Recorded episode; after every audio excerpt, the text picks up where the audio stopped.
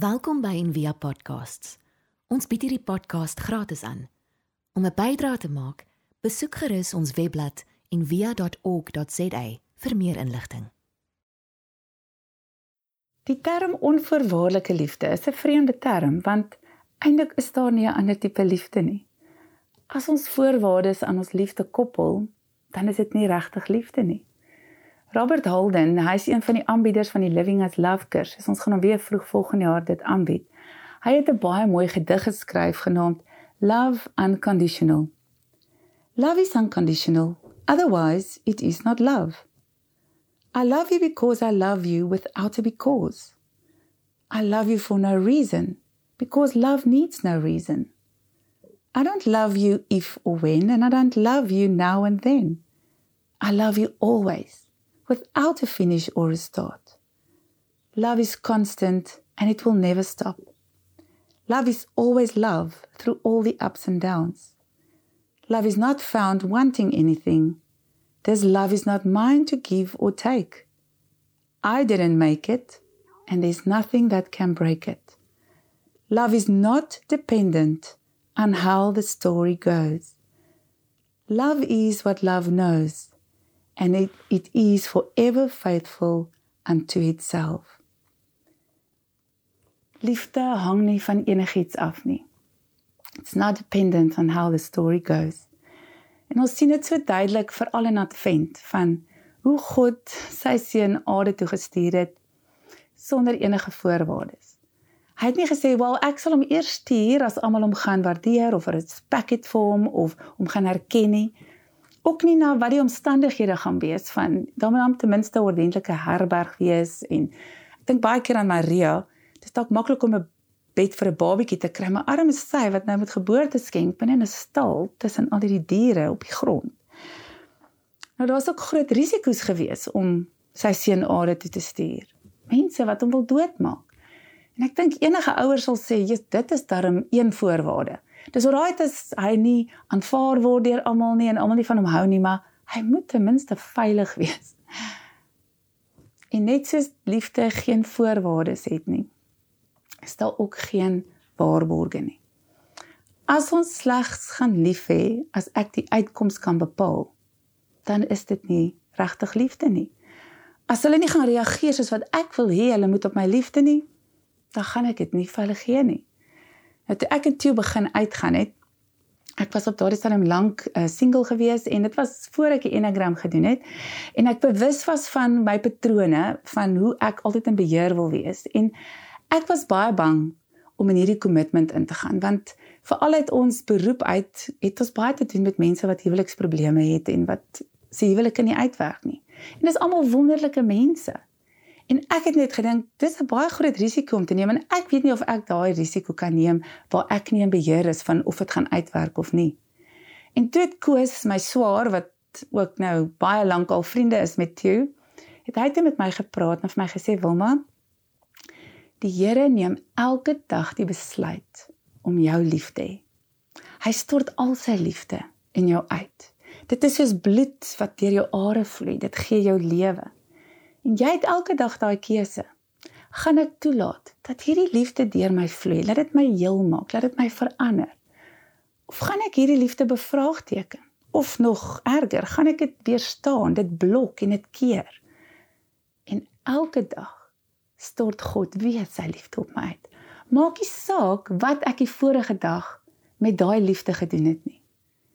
En dit doen God elke dag vir elke mens, vir elke wese hier op aarde. En ek dink die mense is dalk die enigste wese wat daai liefde bevraagteken want die skepping doen dit nie. Dit reën op die goeies op die slegtes, die son skyn op almal. Die bytjies, hulle gaan na elke blommetjie toe. Hulle ehm um, bevrug nie net die mooiste blommetjies nie. En dit is dan ook ons uitnodiging om nie om nie voorwaardes aan ons liefde te koppel nie. En ek weet dit is moeilik. Soms voel dit eintlik onmoontlik. Maar soos Frida daar in die Kersmoment gesê het van liefde, it moved into hold me from the inside. Liefde is deel van my. Dit is in my selle, dit is in my bene and love made inside me a home. En dis wat ek glo wat bekering is, is wanneer ons dit besef dat God se liefde is reeds in en reeds deel van my. Ek is uit sy liefde uitgebore. Ek is 'n huis of 'n kathedraal, 'n tempel van sy liefde. Soms aanvaar ons daai liefde wat hy het vir ons. Maar ons sukkel om te dink dat God ook so lief is vir ander mense, veral mense wat anders glo of ons sê, "Jesus, maar kyk hoe lewe daardie persoon." Maar gelukkig is dit nie ons verantwoordelikheid om hierdie liefde te skep nie of dit te maak nie. Dit is reeds in ons en deel van ons. So dis nie eintlik ek wat liefhet nie en dit is dit is nie my liefde om vas te hou of om uit te deel aan wie ek mag dink dit verdien of dit nie verdien nie. Hierdie liefde met 'n hoofletter vloei deur ons en mag ons toelaat dat dit deur ons vloei. En dat dit mag ons erken dat hierdie liefde in almal is en vir almal is. Mag ons in hierdie adventtyd veral bewus word van watter voorwaardes ek aan my liefde koppel. Dalk is dit mense wat heeltemal anders is as ek, ander politieke oortuigings of anders glo. Maar ook is dit bietjie nader. Dis juist dalk die mense naaste aan my wat ons dalk die meeste sukkel partymal. En veral hier oor Kerstyd wanneer ons al die families bymekaar kom en ons baie mense is in 'n huis met dalk een badkamer en dis baie kinders en gaals, dan kan ons baie keer ook sê, "Jog, hierdie is nou bietjie vir my uit my gemaksone uit." En ek kan bietjie my hart toemaak en net sê, "Ag nee, woe, hierdie omstandighede werk nog nie eintlik regtig vir my nie." Of as dit nog nader kom, die mense in jou huis, jou gesin, jou man, jou vrou. Dis dalk soms waar dit die moeilikste is.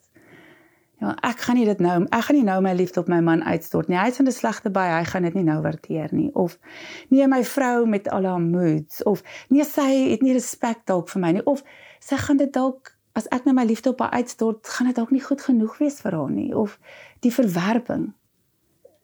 Daar's soveel verskonings wat ons het en soveel vrese, bang vir seer kry. Maar as ons gaan toelaat dat ons verskonings gaan bepaal of iemand anders se gedrag gaan bepaal of ek my liefde vir hulle moet gee of nie, dan word ons eintlik slagoffers van ons omstandighede. En God het nie na die uitkomste gekyk of laat die omstandighede bepaal of hy sy seun vir ons gaan stuur nie.